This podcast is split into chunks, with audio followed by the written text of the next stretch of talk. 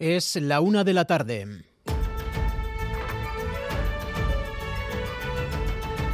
Crónica de Euskadi con Imanol Manterola.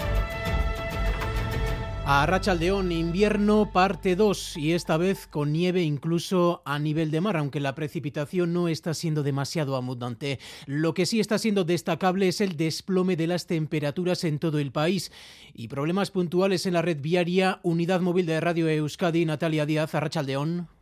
Sí, a Rachaldeón estamos en concreto en Altuve, en la P68. Vemos lo que se está reflejando en toda la red principal y nos confirma la Archancha.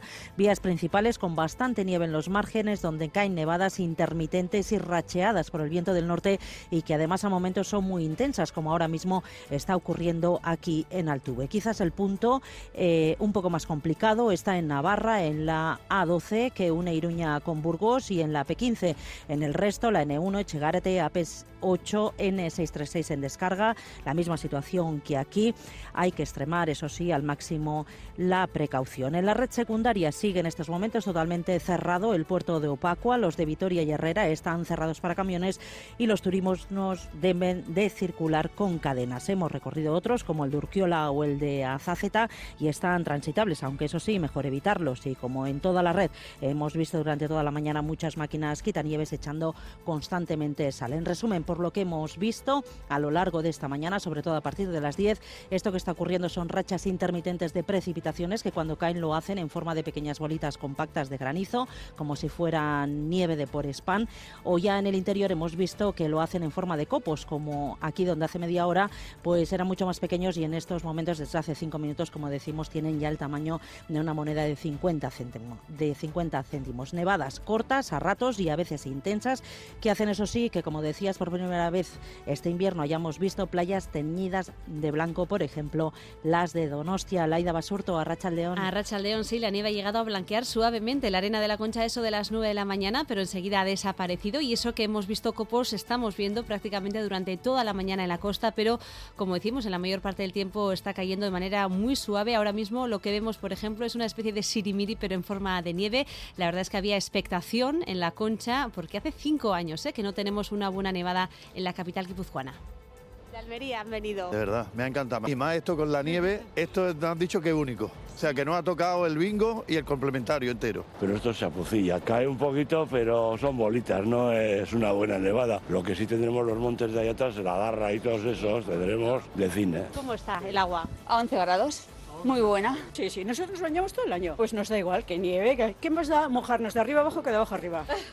Fría el agua de la concha, pero más frío en Navarra y sorpresivamente problemas con la nieve en Tierra Estella. Aritz Aguirre. Así es, la intensa nieve que ha caído a primera hora de la mañana ha sorprendido en Estella Lizarra porque ha cuajado justo a la hora de ir a trabajar y a la escuela y no están muy acostumbrados en esa zona. Ha ocasionado muchas intervenciones, sobre todo en las cuestas y altos donde los autobuses se quedaban parados. También en la autovía entre Villatuerta y Estella, nos lo contaba el jefe de Policía Municipal, Pachi Martínez de Goñi. Y sí que aquí al caer así pues, un poco de, de sorpresa, la peor hora de tráfico de la ciudad. Que estaba Tierra Estella mal, porque la subida de lo que es el túnel, pues a primera, a esa hora punta, no podía subir. Incidencia especial en la red secundaria de Tierra Estella, en concreto entre Lizarra y Allegui y en Lezaun, donde han tenido que cortar la carretera, también en la parte colindante a Álava. En Iruña ha nevado de manera intermitente y muy débil, no ha cuajado, pero lo que destaca es el frío en toda Navarra bajo cero, con sensaciones térmicas de hasta 8 grados bajo cero en ciudad y 16 grados bajo cero en puntos de la montaña del Pirineo,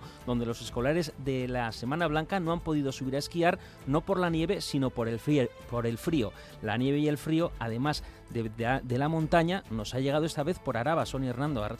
Sí, la sensación de frío es realmente intensa. A no vamos a superar en todo el día la temperatura de un grado, pero el viento además hace que hoy no sobre absolutamente nada de ropa. Ha nevado de manera copiosa sobre las 10 y ha dejado una capa blanca en la ciudad de Vitoria. Todavía estamos así, eh, de blanco. Ahora siguen cayendo copos, pero de manera bastante más débil. El registro más frío de esta mañana lo ha marcado Roitegui con algo menos de 4 4 grados bajo cero, pero insistimos, las sensaciones de muchísimo más frío. Bueno, pues así están las cosas a esta hora y para las próximas horas, situación similar Euskalmet, Jonander Arrillaga. Hasta media tarde seguirán afectándonos las nevadas de forma ocasional con una cota de nieve situada por momentos a nivel del mar. A partir de la tarde las precipitaciones serán más débiles y esporádicas y la cota de nieve rondará los 100 o 200 metros. Eso sí, las nevadas van a ser en general débiles. El viento del norte va a seguir siendo molesto, dejándonos una sensación térmica muy fría con unas temperaturas que no van a pasar de los 5 a 7 grados en la costa y de los 3-4 grados en muchos puntos del interior. Los médicos de la OSI Donostia Aldea suspenden sus concentraciones a las puertas del Hospital Donostia. Ven pequeños avances en sus contactos con la dirección de Osakideza. Tenemos que decir que hemos visto pequeñas concreciones que nos han animado a, después de consultarlo en la Asamblea, a firmar eh, este último acta que nos han remitido, que con la firma del acta vamos a parar las movilizaciones hasta dentro de dos meses para ver si los grupos de trabajo han conseguido avanzar en las líneas que se nos han mostrado. Es la decisión adoptada por los médicos de la OSI Donostia Aldea tras un fin de semana en el que miles de personas salieron a la calle en Donostia, en Bilbao y en Vitoria-Gasteiz, convocadas por todos los sindicatos para denunciar lo que denominan desmantelamiento de Osakideza. A partir de ahora que en Boulevard de Radio Euskadi el secretario general de ELA, Michel Acunza, ha dicho que no descartan la convocatoria de una huelga. Acusa al gobierno vasco de estar fuera de la realidad y nos reafirmamos además en nuestra denuncia lo que se destina del presupuesto del gobierno vasco a Osakideza es 20 millones menos que lo que se ha gastado el año anterior. ¿Quién está fuera de la realidad? ¿Las personas que estuvieron este fin de semana en las manifestaciones? ¿O están fuera de la realidad el Endacari o la consejera Sagardoy? El 8 de marzo de 2024 debe ser festivo o no debe serlo. La propuesta la lanzó la semana pasada la vicelendacari Idoia Mendía frente al poco entusiasmo de algunos partidos. Hoy la directora de Emacunde, Miren Elgarresta, ha pedido tejer consensos en torno a esta propuesta que, por cierto, Emacunde ha conocido a través de los medios. La noticia fue inesperada, que necesita concitar de alguna manera de una adhesión amplia de gran parte de la, de la sociedad, requiere una reflexión previa y contar también con, eh, tanto como con el Instituto de Macunde y también con el Movimiento Asociativo de Mujeres eh, Feministas de Euskadi. Además, el Reino Unido y la Unión Europea están en puertas de alcanzar un acuerdo en torno al asunto que les ha enfrentado en los últimos tres años desde la firma del Brexit. Rishi Sunak y Ursula von der Leyen se encuentran reunidos cerca de Londres para cerrar los últimos flecos del pacto que solucione las diferencias en torno al protocolo de Irlanda del Norte, Bruselas, Amaya, Portugal.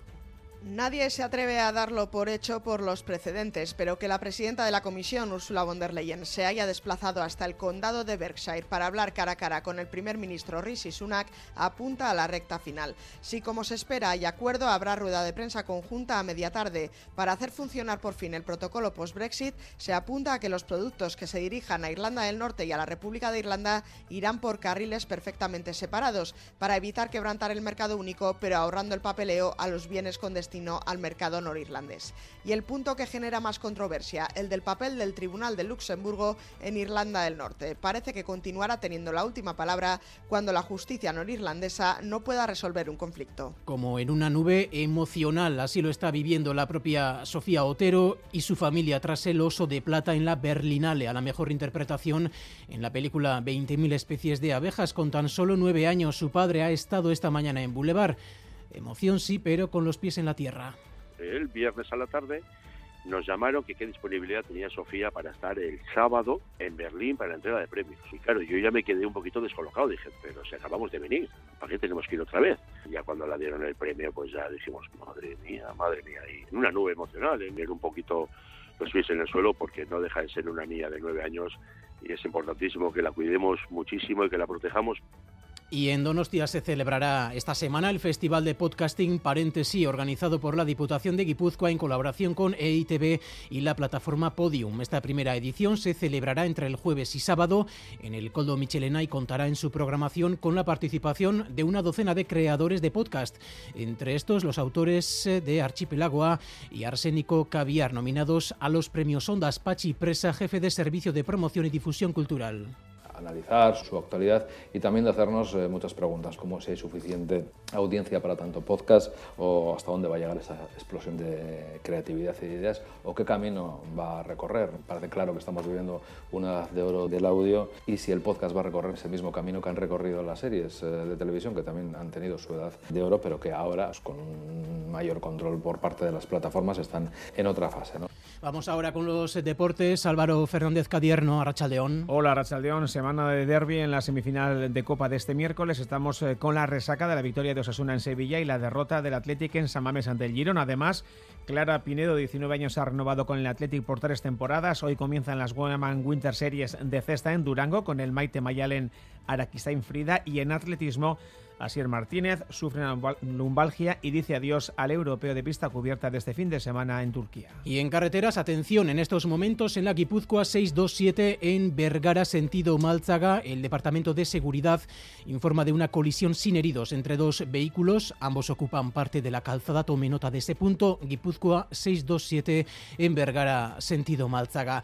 Así arrancamos esta crónica de Euskadi. Hoy en el control técnico, Raúl González y José Ignacio Revuelta. Irache Ruiz en la coordinación. Crónica de Euskadi con Imanol Manterola.